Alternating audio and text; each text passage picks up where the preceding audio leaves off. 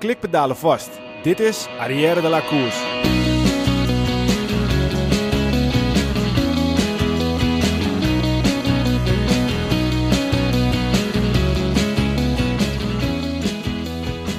Het seizoen is voorbij, maar lullen over wielrennen blijft natuurlijk het allerleukste wat er is. Onze komende podcast gaan over te gekke wielerverhalen vertellers. Vandaag deel 1.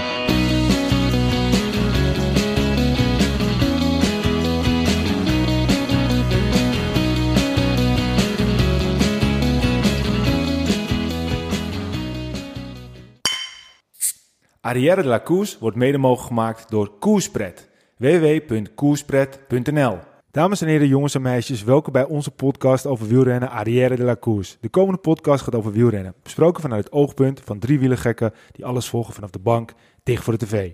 Vandaag aflevering 55. Ik ben Michiel Beemster en uh, met twee uh, wielermatties zitten we tegenover me. Yes, jongens, yes. jongens, elke week, elke week, gaan we dit nog lang volhouden? Tuurlijk. Elke week? Ja, dat weet ik niet, maar wel gaat wel heel vaak Dat volhouden. weet ik niet. Nee, eh, we gaan sowieso. de- de- eigenlijk is het wielerseizoen voorbij natuurlijk. En eh, we hebben natuurlijk eh, wat dat betreft niet meer echt wedstrijden te bespreken. Maar we hebben ervoor gekozen, Peter. Kijk even naar jou. We hebben echt, eh, echt een vijf, zestal leuke gasten weten te strikken. En we hebben eigenlijk gekeken een beetje out of the box. Dus we hebben mensen weten te strikken die niet echt, ja, niet ten eerste nog nooit in een podcast zijn geweest. Dat weten we 100% zeker. Ja. En ten tweede ook ja, een andere kijk hebben op het wielrennen dan de meeste mensen. En ook een, een hele andere band met het wielrennen dan de meeste mensen die vaak te horen zijn. Ja, het, zijn, het zijn eigenlijk de namen die je dus niet snel verwacht. Maar Nee. waarvan je wel misschien denkt van... Oh, dat zijn wel eh, leuke namen Ja, om naar te zo- luisteren. zoals bijvoorbeeld hebben we de buurman van Tom Dumoulin. en de achterneef van eh, Joop Soetemelk. Ja. Nee, maar... we we zijn op zoek naar mooie verhalen. Ja. En ehm, Dat de broer van Jan Jansen. ja, dat zou zo kunnen. nee, inderdaad. Nee, maar eh, we lachen nu om. Maar eh, ja, we hebben mooie, mooie, mooie, eh mooie gasten. Ja, want jij hebt het altijd over brugjes. ja, het is een mooi bruggetje inderdaad. We hebben mooie gasten de komende periode. En nou, we proberen zoveel mogelijk nog te blijven uitzenden. Eh, nu sowieso. En dan eh, straks over twee weken waarschijnlijk eh, de volgende gast. En ja, daarna moeten we even kijken hoe we dat allemaal in.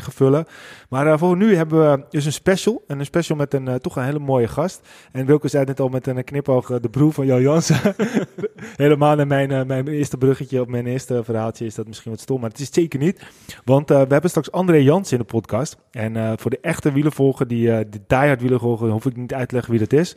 Maar voor de mensen die, die de, ja, gewoon wielrennen leuk vinden en deze podcast luisteren en eh, niet intens volgen. Dat is de beheerder van de online pagina Wielrennen, Anekdotes en Foto's. En het is dus de broer van Jan Jansen. Maar daarom hebben we hem niet uitgenodigd hoor. Maar het is een man met een, ja, een echt een bizar groot eh wielerhistorie hart, om het zo maar te zeggen. Hij heeft een pagina dus eh, onder andere op eh, Facebook. Hij heeft zelf eh, duizenden vrienden op Facebook. En, maar daar gaat het ons eigenlijk helemaal niet eens om. Het gaat erom dat hij gewoon fantastisch veel verhalen te vertellen heeft. En we willen deze podcast dus eigenlijk, zoals we in het verleden wel, eens, hebben gehad, onze oude doos. Willen we eigenlijk gewoon één grote oude doos, een hele grote stoffige oude doos uitpakken. En we willen er elke keer een nieuwe foto uitpakken. En daar willen we ja, een, verhaal achter horen. En ja, André heeft voor ons een, een, ja, een aantal verhalen geselecteerd. En ja, die gaan we vandaag beluisteren. Dus het, is, het gaat, ik weet geen idee welke kant op gaat. Eigenlijk gaat het voor ons een hele lekkere podcast misschien Ja, worden. het wordt gewoon luisteren. Gewoon lekker luisteren, Ja, en ik heb ook echt geen totaal geen idee welke verhalen die geselecteerd heeft. We gaan luisteren. Het wordt een soort Mart Smeets eh, podcast. Alleen eh, niet, eh, bij Mart Smeets hadden we helemaal niks te vertellen en konden we alleen maar luisteren. En nu eh, gaan we gewoon eens kijken wat André allemaal te vertellen heeft. eh, en wat hij allemaal uit zijn oude doos eh, weet eh, te toveren. Dus ja, eigenlijk jongens, eh, denk ik dat we hem gewoon maar eh, moeten gaan bellen. Ja, laten we doen. Laten we doen. Ja, dat ben ik. Kijk, goedenavond meneer Jansen. Kunt u ons goed horen? Ja, nu wel. Kijk, moeten we u zeggen of, eh, dat hebben we ook aan eh, de heer Smeets gevraagd, is het u of is het je? Eh, André, gewoon voornaam. Oh, Oké, André. Nou, hartstikke Hey, goed, André. Goedenavond, André. Ik ben niet alleen. Ik heb Peter Koning en Wilke Kent bij me. Ehm, Ja. En eh, we hebben net eventjes je kort geïntroduceerd. Maar eh, ja, goed, eh, voor, voor zover we dat konden doen, is het misschien beter eh, dat je zelf ook nog eventjes uitlegt wie je precies bent en waarom eh, jij zo'n gigantisch groot eh, wielerhart hebt. Ja, is goed. Brandlos. Oh, fijn, dank je. Eh, ja, mijn naam is André Jansen. Ik kom uit een eh wielerfamilie. In eh, begin 60 jaren gingen mijn oudste broer Jan en later ook mijn broer Harry, die gingen fietsen. En Harry is vijf jaar ouder dan ik en Jan zeven jaar ouder dan ik. En die gingen een beetje fietsen in de club en zo op Zeeburg. En die konden vrij hard fietsen. En ik was nog maar een kleintje, van een jaar of acht. Maar ik ging natuurlijk altijd mee en kijken naar die wedstrijden. En binnen de kortste keer had ik dus een fiets gekregen voor mijn verjaardag. Alleen er zat geen rijstuur op, dus daar hebben we wel wat bij bedacht. en uh, al die jaren heb ik gezien dat mijn broers uh, heel veel talent hadden. En, uh, en heel veel wedstrijden gingen winnen. En ja, toen ik 14 was, ben ik ook gaan fietsen. Mijn broer Harry is, werd een hele goede amateur. En later ook prof. En, uh, broer Jan eh, ging vooral zich specialiseren in de baan. Dat werd een sprinter op de baan. En werd ook samen met Lijn Loevestein Olympisch zilveren kampioen in Mexico in 1968. En broer Harry is na zijn profcarrière, heeft aardig met wedstrijden gewonnen. Hij heeft twee keer de Ronde van Noord-Holland gewonnen als amateur, dus dat is nogal wat. En die is daarna gevraagd om radioverslaggever te worden door zijn goede vriend George Tor. En die is in het tourteam terechtgekomen en heeft daar verslag gegeven samen met Theo Komen. En werd later gevraagd, op een bepaald moment kwam er iemand van Philips. En we hadden toen in die tijd, begin tachtiger jaren, kwamen de videocassettes en geluidscassettes op. En ze hadden een nieuw merk bedacht. Dat was Philips en Dupont tezamen. Die gingen de markt op van de beschrijfbare video- en, en geluidscassettes. En dat noemden ze PD Magnetics, hè, Philips Dupont Magnetics. Maar mijn broer, die per ongeluk uh, zelf PD is, dat wil zeggen in het Frans uh, pederast, homofiel. En die zei van ja, je kan dat als je een wielerploeg wil beginnen, kun je dat geen uh, PD Magnetics noemen.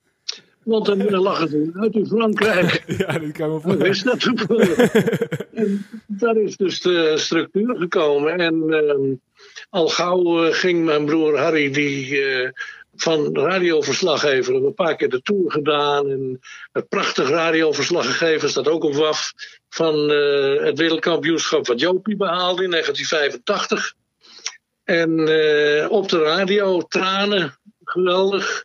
En uh, nou ja, toen kwam er een ploegie.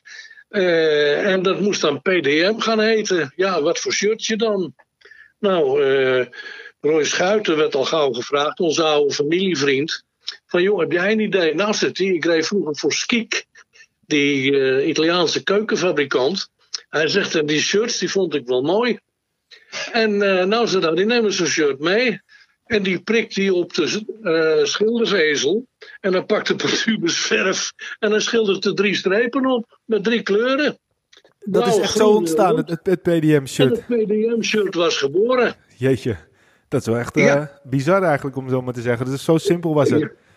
Ja, nog geen half jaar later kom ik in Amerika en dan zie ik in een outfit van PDM, ergens in the middle of nowhere, dan dacht ik van potverdorie, dat kan het toch snel gaan hè. En bij de introductie van PDM ben ik uh, bij geweest, de ploeg was geselecteerd. Ze moesten eerst nog even een truc uithalen om uh, Delgado binnen te krijgen. Door hem te vertellen dat Rooks en Tuiners al hadden getekend. En uh, Delgado zegt, nou, als zij getekend hebben, dan teken ik ook. Alleen ze hadden nog niet getekend. Ja, soms moet je een beetje jokken om dingen voor elkaar te krijgen. Nou, dat heb ik allemaal meegemaakt. En uh, ik was uh, inmiddels zelf geen wielrenner meer. Ik heb gefietst tot 72. En ik was er zo mee gestopt. Ik reed bij Friesel. En ik heb jarenlang in het buitenland rondgehangen. Van alles gedaan. En ik ben ondernemer geworden later. Maar eerst heb ik 20 jaar bij Holland Casino's gewerkt. En uh, ruim tien jaar in Roemenië gewoond hebben, zijn we in 2005 naar Nederland gekomen. En nou, voor mij waren er weinig activiteiten meer te bedenken. Dan mijn vrouw wel, die kon gaan werken hier in Nederland. En die verdient inmiddels het brood. En ik vermaak me wel. Ik zet de kliko buiten. En ik doe de afwas. in de afwas En ik maai het gras. En uh, ja, ik vond het in 2012 wel grappig. Uh, ik, uh, ik, had een kennis, Willy Quantus van vroeger. Die had ik mee gefietst en die zocht via internet die zocht contact. Nou, en het verhaal kwam eruit. Ze was net weduwe geworden. En eh, dat was heel vervelend allemaal. Ze zegt van, eh, ik heb een, eh, gisteravond had ik een glaasje wijn gedronken. Toen heb ik een Facebook-account gemaakt. Ik zeg, wat doe je nou? Ze zegt, ja, maar ik weet nog niet meer wat ik moet doen. Ik heb een groep aangemaakt. Ik zeg, oh. Eh, zou jij dat wel eens willen, eh, voor me willen bekijken? Ik zei, nou, ik ga eens kijken. En ik ga kijken. En ik zie dan dat er al 30, 40 vrij bekende mensen uit de wielerwereld waren ingeschreven. Nou, ze zegt, ik heb daar geen zin in hoor, zoek jij het maar uit. En toen heb ik uh, WAF gestart. Wielrennen, anekdotes, foto's. En binnen een week waren er 300 leden. En dat doe ik nog steeds. Het is nu 20, 2020. En dat is nu ruim acht jaar. En er zijn 17.500 leden over de hele wereld. En ik beheer nog een stuk of wat van die uh, pages en groepen. En dat is uh, natuurlijk geweldig, vooral als je marketingman bent geweest.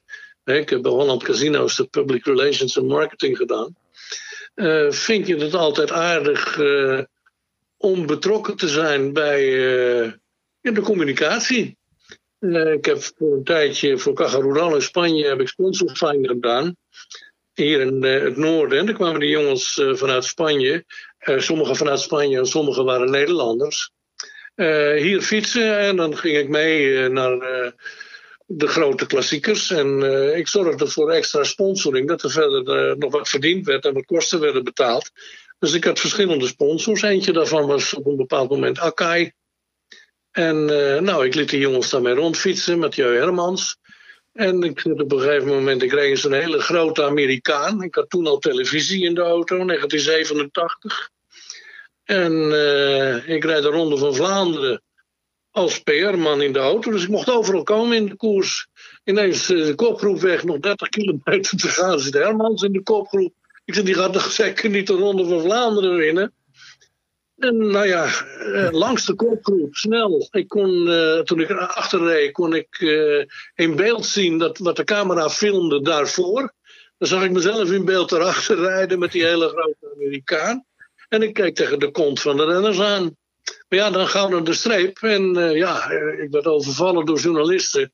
Van ja, jij gaat over Cajo Rural, die Spaanse ploeg. En uh, Herman zit erbij, die zat toch niet de Ronde van Vlaanderen gaan winnen. Dus het was wel uh, spannend.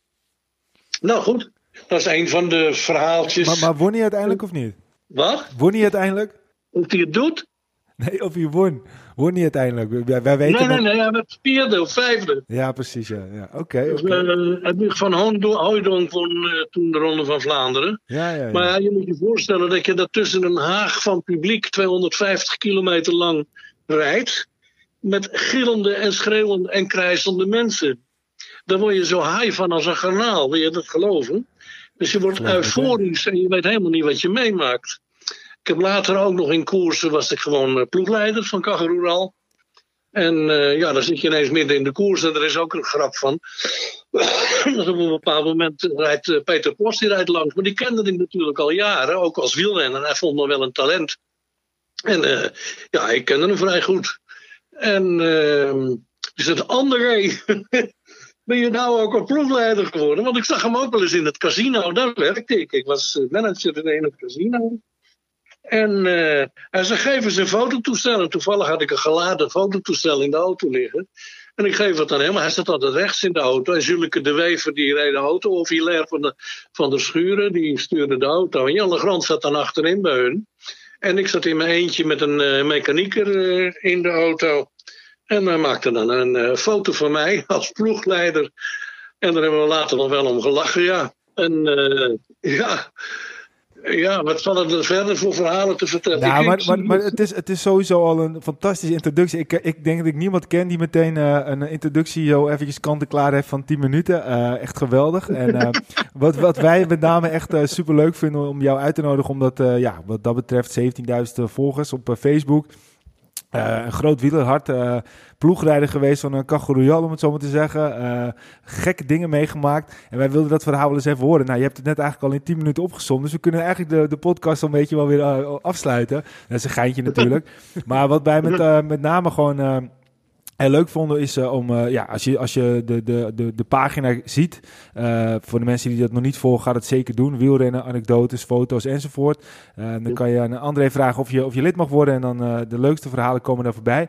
Maar waar wij eigenlijk tijdens deze podcast heel benieuwd uh, naar waren is van in al die, al die anekdotes en al die verhalen, welke verhalen springen er dan echt bovenuit? En we hebben natuurlijk al uh, één zo'n verhaal uh, al even aan je gevraagd en laten we daarmee beginnen. En dat, dan de naam zelf zegt het al, ik ben heel benieuwd wat, wat dan het verhaal erachter is. En dat is de kampioen van Suriname. Wat, wat is dat verhaal precies? Leo Roelofs. Ja, dat was natuurlijk in onze tijd dat wij fietsten was hij de enige met een zwarte huid. En hij noemde zich dan ook de kampioen van Suriname, oftewel Eusebio. En ja, die kwam je tegen met trainen. Maar Leo kon niet zo hard fietsen. Hij was wel een goede sportman. Hij heeft, hij heeft gejudo'd en hij was een aardige voetballer. Maar hij kon niet zo hard fietsen. Hij kon wel lang doorgaan. Maar daarom, hij was een, een zeer geliefd figuur onder ons. En uh, ongelooflijk sympathiek. En uh, op de baan reed hij elke donderdag ook de populaires mee. En dan, als hij net de groep bij kon houden, meestal werd hij er wel van afgereden als het echt hard ging. Maar op een gegeven moment is er dus zo'n populair wedstrijdje, zo'n 10 kilometer koersje of zo. En dat hij, uh, hij is weg, hè? Hij demareert. En ze zitten elkaar allemaal aan te kijken. En uh, op zo'n manier heeft hij dus af en toe ook zijn wedstrijdjes gewonnen. Dus iedereen was helemaal weg van Leo. En eigenlijk nog steeds. Hij is uh, vorige week, of is in mei 80 jaar geworden. En we dragen hem nog steeds op handen. Met z'n allen. En we hebben foto's daarbij. En Joop Reining heeft dus ook de anekdote opgeschreven van in de tijd dat het stadion met de populaires, dat zat zomaar half vol. 35.000 man zat er, hè? Gillend en schreeuwend op de bank rijden ze een uh, sprint à trois. Met twee hele goede sprinters. Eén, dat, dat eentje was uh, Gerritsen, niet meest Gerrit, met Jackie Gerritsen, die broer. En die andere was Gerry Vens. Dat was een hele goede sprinter toen. Dus rijden met z'n drieën. Die twee, Gerritsen en Vens, die zitten elkaar aan te kijken. En anderhalve ronde, want ze moesten in die tijd twee rondes rijden, dus een kilometer. En die baan was 500 meter, het Olympisch Stadion. En Leo duikt onderuit in de baan en geeft vol gas. Nou, pot. En die andere twee zitten elkaar aan te kijken. Het stadion op de banken. Wat denk je? Leo zit er bijna 100 meter voor. Maar toen gingen die tweede sprint en er was nog één ronde te gaan. Nou, ze kwamen er als een speer op af, maar net op de streep. Leo ging nog een keer staan mensen op de banken, gillend gejuich, het stadion uit zijn dak. En Leo wint die sprint. Nou, vanaf die dag is het dus de kampioen van Suriname. Leo Roelof. Ja, ja, fantastisch, fantastisch. En uh, dit is dan een van de, van de, van de pareltjes. En uh, dit komt ook uh, ja. vaak terug natuurlijk. En, en, en, en, ja. en, en als je het iets meer naar, naar jezelf toe, toe reflecteert, naar, de, naar de, de huidige tijd. Wat is dan echt iets wat, je, wat, wat, wat, wat, wat nu een fantastisch verhaal is, wat op dit moment echt, echt speelt? op dit ogenblik, ja nou, ik ben natuurlijk erg betrokken bij Nina Storms en haar echtgenoot inmiddels... Dylan Groenewegen. Die uh, gewoon ging sprinten. En dan kwam uh, die jongen binnendoor. En ja, dat hek was verkeerd gemaakt. En die sprint was ook te snel, want het ging bergaf. En nou is die jongen een jaar van zijn carrière kwijt. En dat kan gebeuren, dat hoort erbij. En, maar nou zie je dus dat er heel veel mensen verschillende oordelen hebben. Maar op zo'n plek zoals dat bestaat tegenwoordig, WAF, uh, heb je natuurlijk ook heel veel liefhebbers van het wielrennen. Hè, die wel kijken, maar niet echt uh, ooit een rugnummer hebben opgespeld. Hè, en dus een mening hebben, uh, en die, die, zijn vrij zwart-wit meestal, over de gang van zaken. En dat, dat raakt ons wel, ja. Dat, dat vind ik heel erg voor, die, voor beide jongens hoor, ook. Ook voor die jongen die zo zwaar geraakt is. Ja, Jacobsen. Ja, uh, Jacobs. En ja, dat is, dat is afschuwelijk. Maar uh, ik denk eerder aan de ontwikkeling in de wielersport op dit moment. En dat zien we natuurlijk erg veel. Van de, de jonge talenten die er bovenuit komen.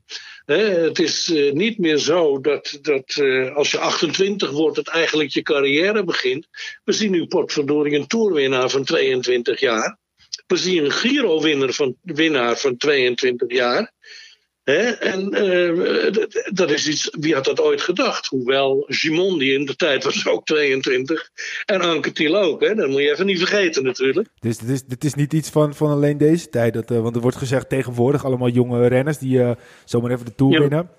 Maar jij met al je wielerhistorie weet ons ook meteen eventjes daarin te benadrukken dat het vroeger ook dus daadwerkelijk al wel gebeurde. Ja, nou ja, gelukkig is het nu zo dat de talenten worden al vrij vroeg geselecteerd. Er zijn zeer professionele methodes voor tegenwoordig. Hè. Je kunt iemand zijn kracht en zijn uithoudingsvermogen kun je meten.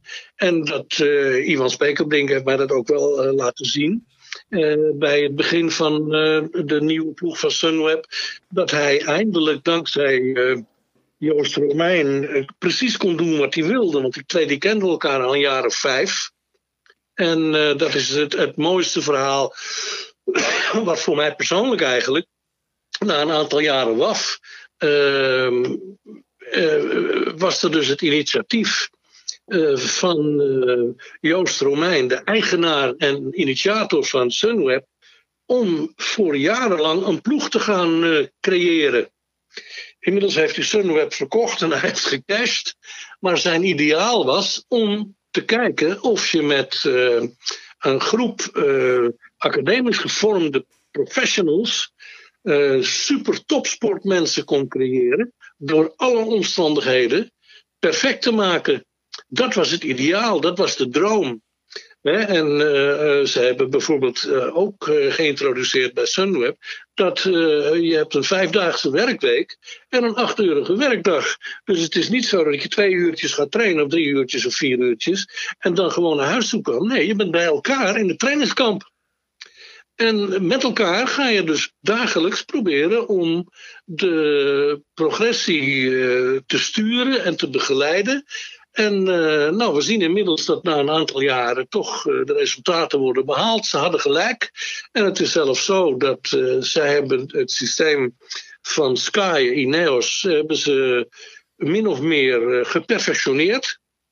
En nu heeft, dankzij Zeeman, die natuurlijk overgestapt is van Sunweb naar Jumbo, heeft het min of meer meegenomen.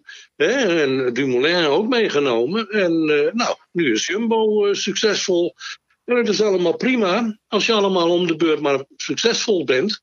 want dat er één ploeg alles domineert is absoluut niet goed. Dat weten we ook. Die jaren hebben we ook meegemaakt. En uh, ik ben blij dat we nu deze ontwikkeling zien. En ja, niettemin blijft voor mij de enige, het belangrijkste op uh, mijn dagelijkse WAF-activiteiten. De gein, de humor. Vandaag is Henk Cornelis uh, eh, 80 jaar geworden. En uh, ja, oude Amsterdammer, taxichauffeur, vader van Michel Cornelissen, ploegleider. En ja, die ken ik ook mijn leven lang al. En ik vind het prachtig om die mensen nog weer naar voren te halen. Een man als Cor Schuring, die graag een verhaal vertelt en heel veel van zijn belevenissen op WAF heeft gepubliceerd. Uh, ik geniet regelmatig van Jan van der Horst, oud-renner, oud-beroepsrenner, geweldige wielrenner, die zijn verhalen vertelt. Een journalist die ik mijn leven lang al ken, Ron Kouwenhoven, die 40 jaar lang al het wielrennen heeft gedaan voor de Telegraaf. En uh, zijn stukken schrijft op WAF. Uh, Raymond Kerkhoff, die aan mij uh, vriendelijk heeft verzocht of hij zijn stukken. Hij moet zien dat hij zijn brood verdient, want hij werkt niet meer voor de Telegraaf. Hè? kun je die, mag ik die bij jou kwijt, André? Ik zeg, nou met alle plezier. Ik zeg, we dienen allemaal samen de sport. En ehm, ik ben heel blij met een hoge kwaliteit journalisten zoals jij er een bent. Tot aan zijn dood afgelopen voorjaar uh, was Rob van der Dobbelsteen nog speciaal en nog vaak op WAF te zien met zijn commentaren. Jeroen Wielaert, die regelmatig commentaar levert. Uh, de Muur publiceert een blad wat graag op WAF zijn bekendheid eraan geeft. Een man van de televisie als Han Kok. publiceert zijn verhaaltjes en, en, en de dingen die hij te melden heeft op WAF. Martijn Hendricks, de regisseur van de NOS, en het hele KMU hoofdbestuur komt dagelijks op afkijken. Want vroeger had je de wielersport met 3000 abonnees. En uh, daar keek je naar uit. Het blad de wielersport, later de wielerrevue. Maar die hebben ook iets van 5000 uh, eh, mensen gehad die dat blad lazen. En nu heb je er 17.000 op WAF. Op de topdagen schijnen er meer dan 50.000 mensen uh, de artikelen te lezen. Dus ik als beheerder, ik probeer zoveel mogelijk uh, te beheren. Hè? Maar ik doe ook wel toevoegingen. Ik plaats zelf ook uh, artikelen. Ik word ook gevoed van allerlei kanten. En uh, probeer het netjes en vriendelijk en beleefd te houden. En, en, uh, en wat, is dan, wat is dan, want je, hebt net, je plaatst zelf artikelen en uh, er worden veel artikelen toegestuurd. Wat is dan het meest bijzondere artikel wat je ooit hebt, zelf heeft, hebt, hebt ontvangen? Dat ik zelf heb gepubliceerd? Nee, wat je ontvangen hebt van iemand anders. Dus die een heel mooi bijzonder verhaal wat je raakte. Oh, nou, wat me raakt is de, de, verhalen van Ron Kouwenhoven natuurlijk. Die ehm, ground control to Major Tom toen Tom in 19, of 2016 nadat de etappe waar ik bij was uh, in Andorra, dat hij vervolgens ook de tijdrit won. En dat, was een, uh, dat waren euforische momenten, dat was fantastisch. En hij schreef dan dat verhaal, als je wil kun je het wel omhoog halen of, eh, met de zoekfunctie. En dan dat lied erbij van die band in de tijd. Ground Control to Major Tom. David Bowie. En dan, Tom is, is ja, een, een hele, hele grote wielrenner. en uh, nou, we hadden ook het plezier uh, dat uh, na zijn uh, overwinning in de Ronde van Italië... dat we uitgenodigd werden naar, mijn zoon en ik dan... naar het hoofdkantoor van Sunweb in Rotterdam. En dan konden we ook even met Tom praten. En ik, ik weet niet of je het interview gezien hebt... Maar uh, dan mocht ik dus ook vertellen wat ik meemaakte toen Tom daar de etappe won in Andorra. Waar ik met tranen, waar ik, werd ik dus ook gefilmd, want hij heeft een hele cameraploeg er altijd bij, hè, de, de Sunweb ploeg. En met tranen in mijn ogen stond ik naar een groot beeldscherm te kijken, terwijl Tom daar net langs reed in de regen. Ja, dat, dat is, en helemaal als je daar met een privéjet en een helikopter naartoe gebracht werd. Het mooie was dat we uit die helikopter stapten. Toen wist de pers dus dat er een nieuwe ploeg geïntroduceerd zou gaan worden. En ik was in mijn korte broek en mijn, en WAF-t-shirt. en stap uit die helikopter vandaan. En die hele cameraploeg, al die batterij, cameramensen, allemaal op mij. Want dachten, dat is hem, de grote baas. Maar dat was ik dus niet. Dat was uh, Joost Romein met zijn kapotte spijkerbroek. Die kwam er nog achteraan. en nou, toen werd er dus die nieuwe ploeg geïntroduceerd. Sunweb. Met een uh, plan voor de langere termijn. En uh, ja, daar op, op die moment ja, weet je niet wat je meemaakt. Toen, toen heb ik ook nog met Virenk gesproken, met Greg LeMond, die had ik, kende ik want die hebben vroeger bij mijn broer in de ploeg gezeten, bij PDM natuurlijk. Dus die kende ik. En uh, het, een van de mooiste verhalen. En uh, vertelde mijn broer me dat, dat uh, toen hij gevraagd werd door Jan Raas of hij een haalbaarheidsonderzoek kon maken. Want hij had Herman Wijfels, toen een van de, uh, Rabobank. van bestuur van de Rabobank. Die was een dagje mee geweest met Jan Raas in de Tour. En die, uh, die ploeg bestond nog niet. Het hele idee was er nog lang niet. En die zegt van, joh, ik probeer een beetje mijn bestuur te beïnvloeden... om toch iets in die wielrennerij te gaan doen. Dat lijkt me toch wel aardig. Hij kwam uit Zeeland. En dat is, ja, wielerminded natuurlijk, altijd geweest. En... Uh, Toen zei hij tegen Jan Raas: Als jij nou zorgt dat er een haalbaarheidsonderzoek op tafel komt, dan eh, kan ik daar iets mee. Dus Jan Raas die belt mijn broer Harry van, joh, weet jij wat dat is, een haalbaarheidsonderzoek? Hij zei, nee, wacht maar. Die belt mij. Ik zeg, ja, ik weet wel wat het is. En uh, ik heb een neefje, de zoon van mijn broer Jan, die studeerde sportmarketing toen. En die werd ook gevraagd. Nou, iedereen heeft dus een stukje bijdrage aangeleverd. En er is dus een haalbaarheidsonderzoek van een centimeter of vijf dik gekomen. En uh, nou ja, mijn broer die zorgt dat Jan Raas dat krijgt. Maar Jan Raas die kan dat helemaal niet lezen natuurlijk. En die snapte er niks van. Dus die geeft het aan zijn buurman, Pieter Hubert. Pieter Hubert is een figuur die dan wat zakelijks had. en die heeft het uh, stuk gekregen. En uh, nou ja, ze horen niks meer. En Jan Raas hoort niks. En mijn broer Harry, heb jij nog wat gehoord van die mensen van dat haalbaarheidsonderzoek? Nee, niks van gehoord. Na een week of zes gaat de telefoon. Kun naar Utrecht komen, wordt aan mijn broer Harry gevraagd. Nou, is goed. Hij naar Utrecht, naar het hoofdkantoor van Rabobank. En daar zit een, uh, een meneer en uh, nog wat uh, directiefiguren en een secretaresse zit erbij. En die gooit er een vijf centimeter dik stuk op tafel. Hij zegt, zou je dat eens een keer willen lezen? Nou, zegt mijn broer, ik hoef het niet te lezen, ik heb het geschreven. Die Pieter Hubert die was achter zijn rug om met dat stuk naar de Rabo gegaan. Jezus. Die smeerlap, ja. Na een jaar dat uh, Harry, die kreeg een zware hartaanval. Die werkte gewoon te hard. Die werd eruit gegooid door uh, Rabo. Jan Raas is een jaar weer later uitgestapt. Maar Pieter Hubert heeft er nog tien jaar gewerkt.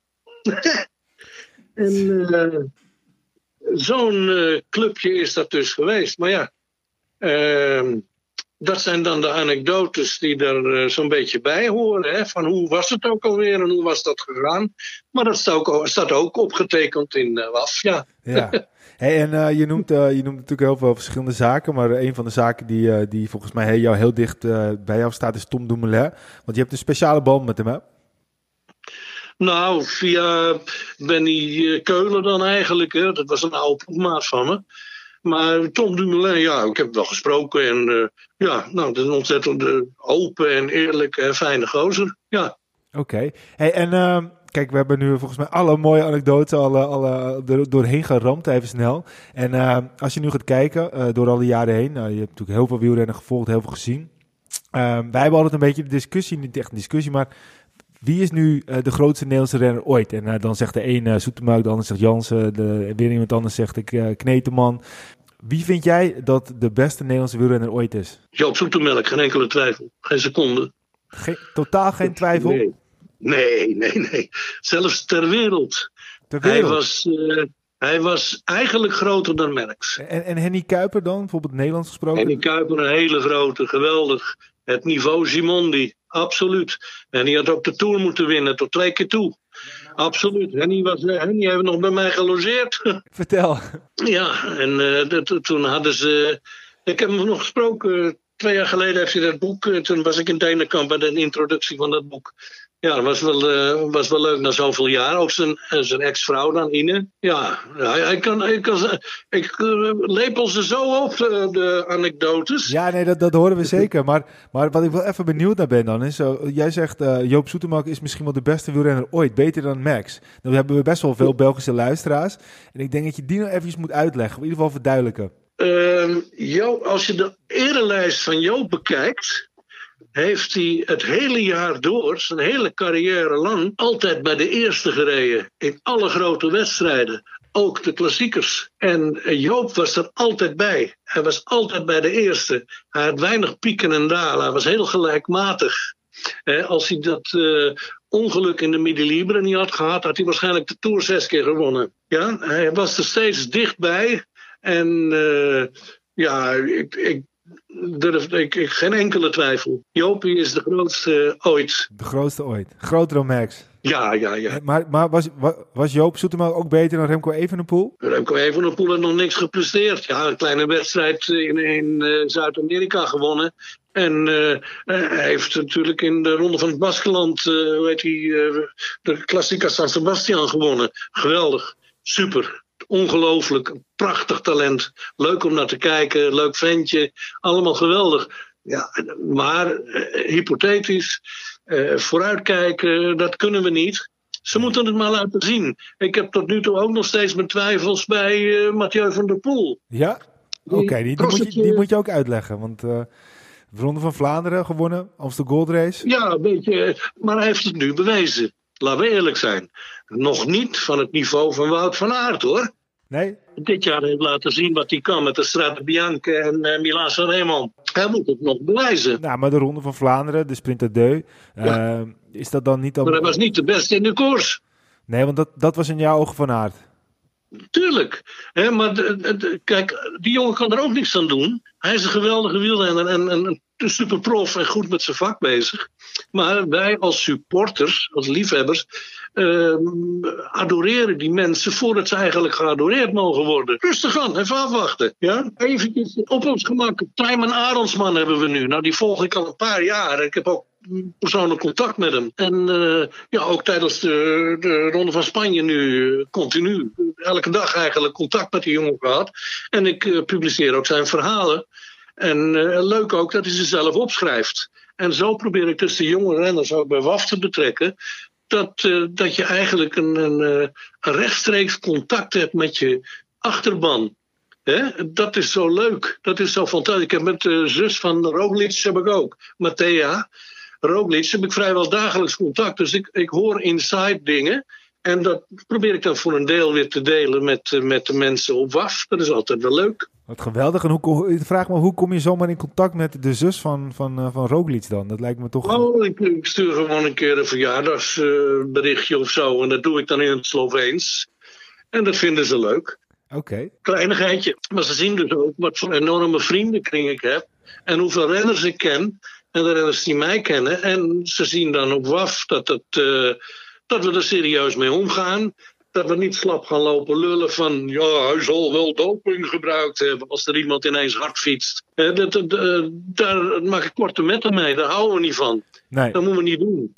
Niet met het vingertje wijzen, daar houden we niet van. Nee, precies. En wat is iets... eh, wat, nou ja, goed, onze luisteraars zijn natuurlijk nu razend benieuwd. Want eh, eh, de zus van Roglic, wat weet die dan te vertellen? Ja, nou, de, de, training, thuis, kinderen, gezelligheid, familie, kerstmis, verjaardag, feestje, normale mensen. Het zijn allemaal normale mensen. Hè? Het zijn net mensen, eh, ja.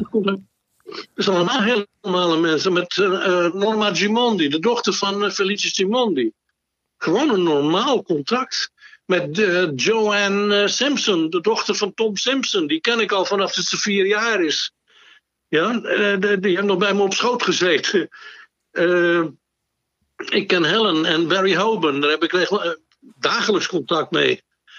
Over de, de, wielrennerij. Nou, Barry Hoban was de man waarmee Helen Simpson na het overlijden van Tom is hertrouwd en nog steeds.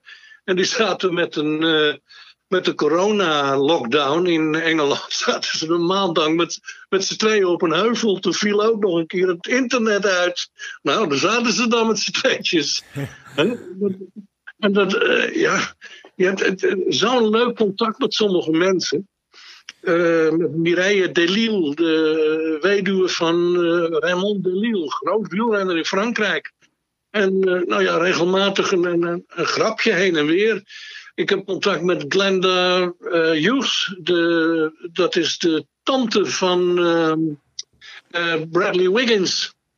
Dat is de zus van Gary Wiggins, de vader van Bradley Wiggins. Daar heb ik gewoon een privé aardig contact mee, vriendschappelijk. Maar we praten niet over wielrennen. en dat, uh, ik vind dat heerlijk om te doen. En uh, ook als ik mensen gewoon zelf ontmoet, dat doen we gewoon normaal. He, dat, uh, waar, waar een, een, een, gevierde sportman of sportvrouw eh, erg veel wordt lastiggevallen omdat mensen erbij willen horen, ben ik daaraan gewend en ik vind het normaal. Ja.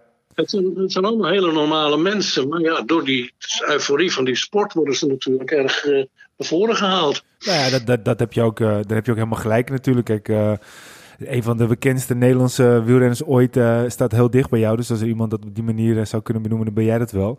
Ehm, Ja. ja, kijk, eh, en ik moet zeggen, je, hebt, je hebt gigantisch wel verteld. Er zijn heel veel namen voorbij gevlogen. Ik moet eerlijk zijn dat niet alle namen me direct een belletje doen rinkelen. Maar dat zal ook het leeftijdsverschil zijn. Heel veel namen wel, gelukkig. Dus Ja. ik ben blij dat mijn kennis in ieder geval toch tot zover reikt dat ik...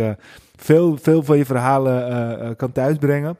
Ehm, Wat ik wel even afvraag. We hebben net eventjes over Remco Evenepoel gehad. We hebben natuurlijk heel veel in het verleden gedoken. Maar als, eh, als je nou even naar voren kijkt. van welke, welke renners verwacht je nou heel veel de komende tijd qua, qua grote prestaties? Of heb je nog ergens een, een mooie anekdote of een, of een tip voor onze luisteraars waar ze echt op moeten gaan letten? Nou, ik denk dat uh, Tijmen Arondsman een uh, mooie carri- carrière voor zich kan hebben. Vooral, hij bleef goed ook in de Vuelta. Hè? Hij, hij uh, had zijn dag, hij mocht zijn gang gaan van uh, Sunweb. dat is fijn, maar hij kan ook een leidende rol gaan vervullen. Hè? Dat, ik denk dat ze volgend jaar al in de Tour uit gaan spelen. En ja, dan ja, denk je dat? denk je dat hij echt wel een potentiële kopman gaat hebben? Ja.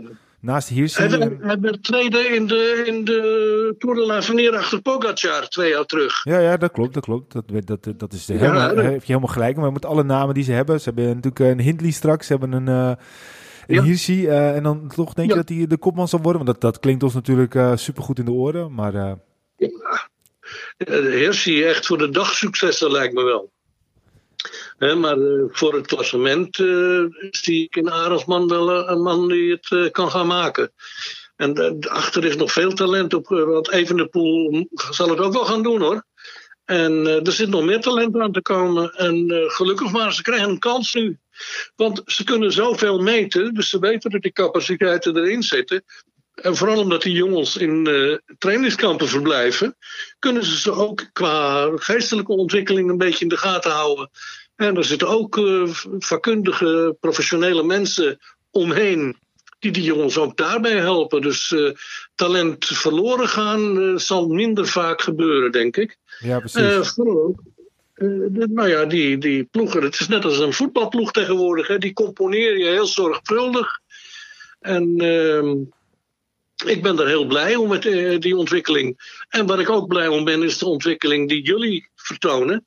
Met uh, jullie activiteiten in, uh, op, op, het gebied van een podcast. He, dat, dat, dat zie ik ook bij andere mensen. Flavio Pasquino, die toch maar het, het amateurcircuit is gaan filmen. En prachtige reportages maakt, ook voor Eurosport. Ja. En Job de Feiter in, in Zeeland, die prachtige reportages maakt. Interviews, die studeert journalistiek. Hij heeft zijn camera erbij. Ik heb een, een interview van hem gezien met, met uh, onze eigen Jan Jansen. Dat hij hem uh, gewoon als jong gozertje nog, wat was hij, 17, een microfoon onder zijn mond duwt en hem tegelijkertijd filmt. Ja, precies, en ja. hij doet dat toch maar. Hij edit dat zelf. Hij maakt er wat van. En dat doet me dan heel groot plezier om te zien dat we tegenwoordig kunnen genieten van die sport op verschillende manieren. En dat je nu een hele nieuwe generatie mensen zoals jullie ja, dat, krijgt, ja. die, uh, die die sport naar het publiek toe brengen. Op uh, de moderne manieren. We hebben al die middelen inmiddels. Uh, ik vind dat een, een geweldige ontwikkeling. En we, hebben, we kunnen genieten van de televisiebeelden van verschillende bronnen.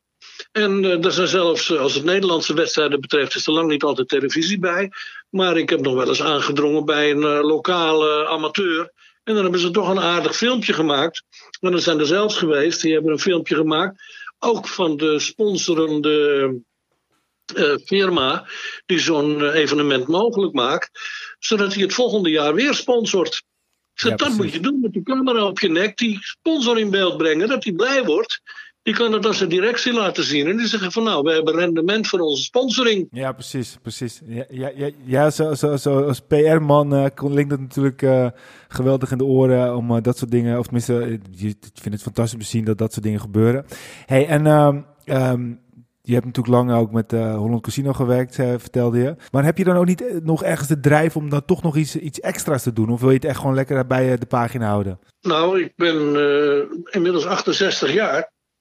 En ik beheer, nou, dat mag ik van mijn vrouw niet zeggen, maar ik beheer meer dan 20 van die Facebook-pages en groepen. Okay. Waaronder die ook over casino's gaan. En die is dan besloten. Want er komen de casino-mensen bij elkaar. Ja, precies. En uh, ik schrijf artikelen voor One Time. Dat is een uh, organisatie die de kansspelen uh, eigenlijk uh, analyseert. En uh, betrokkenheid bij de start uh, volgend jaar, notabene, gaat het gebeuren bij de online games. Hè? Dan kun je dus in je broekzak een casino hebben. Ja, precies. Je, op je smartphone kun je dus allerlei spelletjes spelen, geld winnen. Vooral verliezen natuurlijk. Maar daar uh, schrijf ik ook voor mijn wekelijkse column. En de, de affiniteit en de associatie met wielersport hebben we natuurlijk ook al. Want vergeet niet dat uh, de, bijvoorbeeld in België heb je nu uh, Bingo al. En je had Cirrus. Dat zijn allemaal uh, mensen die zich bezighouden met kansspelen. Want daar zit de poen, hè? Lotto. Ja, ja Unibet natuurlijk. Uh, op een andere manier is dat natuurlijk weer. Ooit een ploeg geweest, werd best wel tegengewerkt. Nou, het zou toch mooi zijn ja. als, uh, als het ooit kan dat een van die uh, grote partijen in Nederland het, wielrennen omarmen. En misschien kan je daar zelfs dan nog wel een mooie rol in spelen dat uh, natuurlijk. Uh, ik, zal zeker, ik zal het zeker niet nalaten als ik de kans krijg. He, ik heb in de tijd uh, sponsorde ik met Holland Casino's als PR-man. heb ik een auto gehaald bij Van Dijk, zo'n hele grote Mercedes. En ik heb Joop Stoop, die kwam bij me, de oude, oude initiator van Peugeot in Nederland, de wielerploeg. En ik werkte als uh, PR-man bij de Holland Casino's. En uh, nou, ik had dus bedacht om uh, het sprintklassement te adopteren bij Olympias Tour.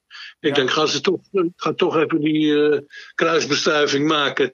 En ja, was mooi. Had ik een keukentrappetje achter in die Mercedes liggen. En dan reed ik dus achter de koers, in de koers. En dan moest ik dus langs het peloton en langs de kopgroep in een boom klimmen. En met mijn trappetje even een, een, een, zo'n zo'n banner over, het, uh, over de weg heen spannen. Want daar moest gesprint worden. En dat moest je zelf doen. Nou, en dan, dan kwamen ze eraan. En er stond een jurylid bij met een potloodje en een bloknootje. En die schreef dan de rugnummers op van die daar het sprintje hadden gewonnen. En dan ik gauw weer op mijn keukentrappetje dat, uh, die banner van die boom afhalen. En die lantaarnpaal aan de andere kant. Achterin de Mercedes en met een rotgang. Hup, weer naar het peloton toe. Ja, moet je een beetje op twee banden racen hoor. Ja, ik heb een keer een autocoureur aan, boord, aan boord gehad in de, in de ronde van uh, in de etappe in Limburg. en die autocoureur, ik, ik ben nog nooit bang geweest in een auto. Dat was voor het eerst nu. Dus op twee, ja. de bocht door. Ja, ja jongen, wat je, wat, ja, dat is natuurlijk fantastisch wat je dan uh, allemaal meemaakt. Ik had ja. op een gegeven moment was ik achter, de, achter het peloton gekomen. Maar ik moest terug zien te komen. Maar ik, ik kwam uh, Lieske Liebrechts tegen. Die was toen de Miss. En die reed ook in een mooie Mercedes. Die was gesponsord door Willem van Drunen en Jo van Aarlen. In Olympias Tour. Lieske was nog heel jong. Maar ja, ik zeg, ga bij mij in het wiel brengen. Ik wil terug naar het peloton. Want die moest voor de renners natuurlijk aan de streep komen. Want die moest de huldiging doen. Nou, uh, door die dorpen heen, je weet hoe dat is. Het publiek nog daar, maar je, je zit achter het peloton. Dus het wordt al bijna vrijgegeven. Je kon er al bijna niet meer door. Nou, toch met, uh, met een pokkengang er doorheen. Maar ineens moet je vol hebben. Ze knalt ze vol bovenop me. Zeg. Nou, ja. nou, Willem van Drunen boos. En, uh, maar goed, het is allemaal goed gekomen. We hebben nog regelmatig uh, contact, Lieske. Want uh, mijn vader was Piet, hè? Piet Liebrechts, mijn ploegleider vroeger. Ja, dat Ja. Is fantastisch, fantastisch. hey, voordat, we, voordat we straks eh, eh, gaan afsluiten, eh, is het toch, wel- ja, je hebt met zoveel ervaring. eh, heb jij nog een mooie tip voor ons? Wij zijn natuurlijk, eh, we hebben een, eh, een ex-profrenner in ons midden, Peter. Die heeft heel veel meegemaakt. Nou, Wilco en ik, eh, Wilco heeft dan aandelen in het, in het Deense wielrennen, maar voor de rest heeft hij niet echt een band met eh, wielrennen, behalve dat hij het veel kijkt.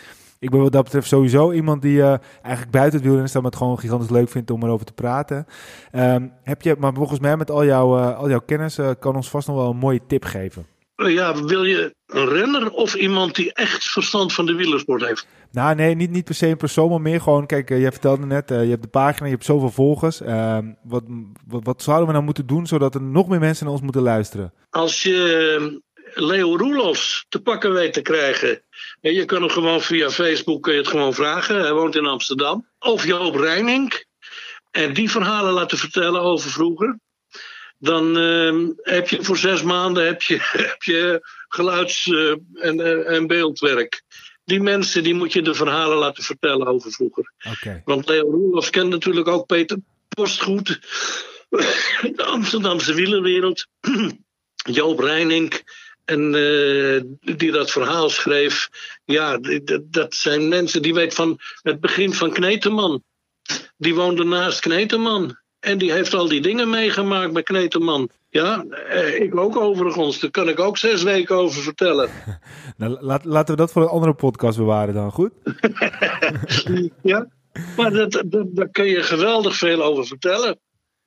En eh, dat zou ik doen, Joop Reining of Leo Roelofs. Als je echt de gein naar voren wil halen. En als je het- de geschiedenis van de wielrennerij echt wil uitdiepen, moet je een keer naar William van Peer. Dat is de kleinzoon van Wim van Est. Oké, Die weet alles van wielrennen. Alles. Dat is het, het orakel van Delphi.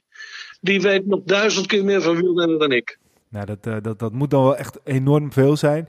hey André, eh, ik eh, vond het een, een eer zo eventjes met... eh, nou ja, eigenlijk was jij aan het woord en wij mochten luisteren. Ik heb Peter en Wilco eigenlijk helemaal niet gehoord. Dus ik... eh, ik, ik eh, hebben jullie nog een vraag, jongens? Nee, ik, ik, ik ben, eh ik ben mijn flabbergasted. ik hoor alleen maar mooie verhalen. Peter, heb jij nog... Nee, het is gewoon, je hoort iemand heel veel passie voor de wielersport. Hè? En eh, dat hebben Ja. wij. En je ziet dat het eigenlijk van alle tijden is.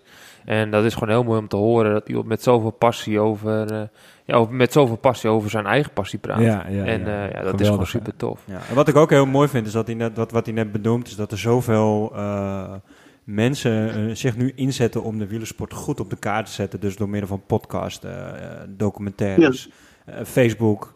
Ja, dat, dat is Ja. wel mooi om te horen. Want dat, is, Ja. dat is wel de keiharde realiteit. Ja. En dat is wat wielrennen zo mooi Ja. maakt op dit moment. Ja, want, want André, het is jammer dat we het via de telefoon moeten doen, maar dat is natuurlijk corona. Maar eh, ik heb zo het Nou, idee ja, dat... Kom wel een keer. Ik heb, ik heb zo het Maar idee eh, dat als zet wij... gerust dit verhaal op, eh, op WAF. Jullie zijn welkom. En ik vind het leuk wat jullie doen. En eh, mijn pet af. En eh, laat dit een goed beginpunt zijn. Want eh, met z'n allen, samen dienen we de sport. Zeker. En volgens mij, als het tegen tijdens corona voorbij is, eh, dan eh, kunnen we ook voor mij wel eens een keer een eh, lekker avondje doorzakken. Want met al die verhalen komt wij nooit een einde. En met een goed koerspretje erbij wordt het er voor mij alleen maar gezelliger. Zeker. Nou, hartstikke leuk, Nou, jongens. André, hartstikke bedankt voor je tijd. En eh, we houden je in de gaten. En ik zou zeggen, iedereen eh blijf wel volgen. En eh, doe ook zeker even een, verzoekje aan André zelf. Want buiten wielrennen heeft hij nog veel meer mooie verhalen. En zoals je nu ook wil Ja. zien, als het, je gooit er een muntje in en, en het gaat los. Dus dat is fantastisch. Oké, hartstikke leuk. André, dankjewel. Fijne avond. Graag gedaan. Doei. Ja. Zo. Dat is wel even wat anders, jongens. Ja, dit, Ah. dit is toch wel... Misschien heb je een kleine samenvatting. Ja, dit was wel genieten. Weet je, je, je zegt het net, je gooit er een muntje in en er komt echt een, een geschiedenis naar voren. Ja. Ja, wat, dat hadden wij ook niet verwacht. Nee, dat, dat- de- voor de duidelijk voor de mensen. We hadden natuurlijk een oude doos voorbereid met allemaal verhalen. En we zouden het nummer 5, nummer 4, nummer 3, nummer 2, nummer 1. Maar uiteindelijk, het was zo'n zo'n verhaal in één keer, wat natuurlijk eigenlijk veel leuker is. ehm, dat ik ook een beetje eh, het kwijt was waar we nu uiteindelijk waren. Maar eh, ja, André eh, is natuurlijk wat dat betreft. Ik zou ook zeker eh eventjes gaan kijken op. als je die, die pagina op Facebook nog niet volgt. Hij heeft het heel veel gezegd. De WAF-pagina. Wielrennen, anekdotes, foto's. Ja, er komt zoveel bij. Ook uit het verleden, ook uit het heden. Ik heb bijvoorbeeld toevallig eventjes. zie ik nu net een berichtje terug over, over jou, Peter. In 2016 al. Dat je de, de etappe won in, in Tour de Louise. Grappig. San Luis. En eh, dan staat er ook eh, Peter Koning. Ik ben erg blij met de zegel, zo aan het begin van het seizoen. Het team ook. Het zal moeilijk zijn de leiding vast te houden, want er komen nog een aantal beklimmingen aan, maar ik ga de trui zo lang mogelijk verdedigen. Nou goed, dat bedoel ik meer te zeggen dat, eh, dat, dat, ja, dat, dat, dat hij je volgt eh, en dat, dat ze ermee bezig zijn. Daarvoor staat er nog een bericht over jou.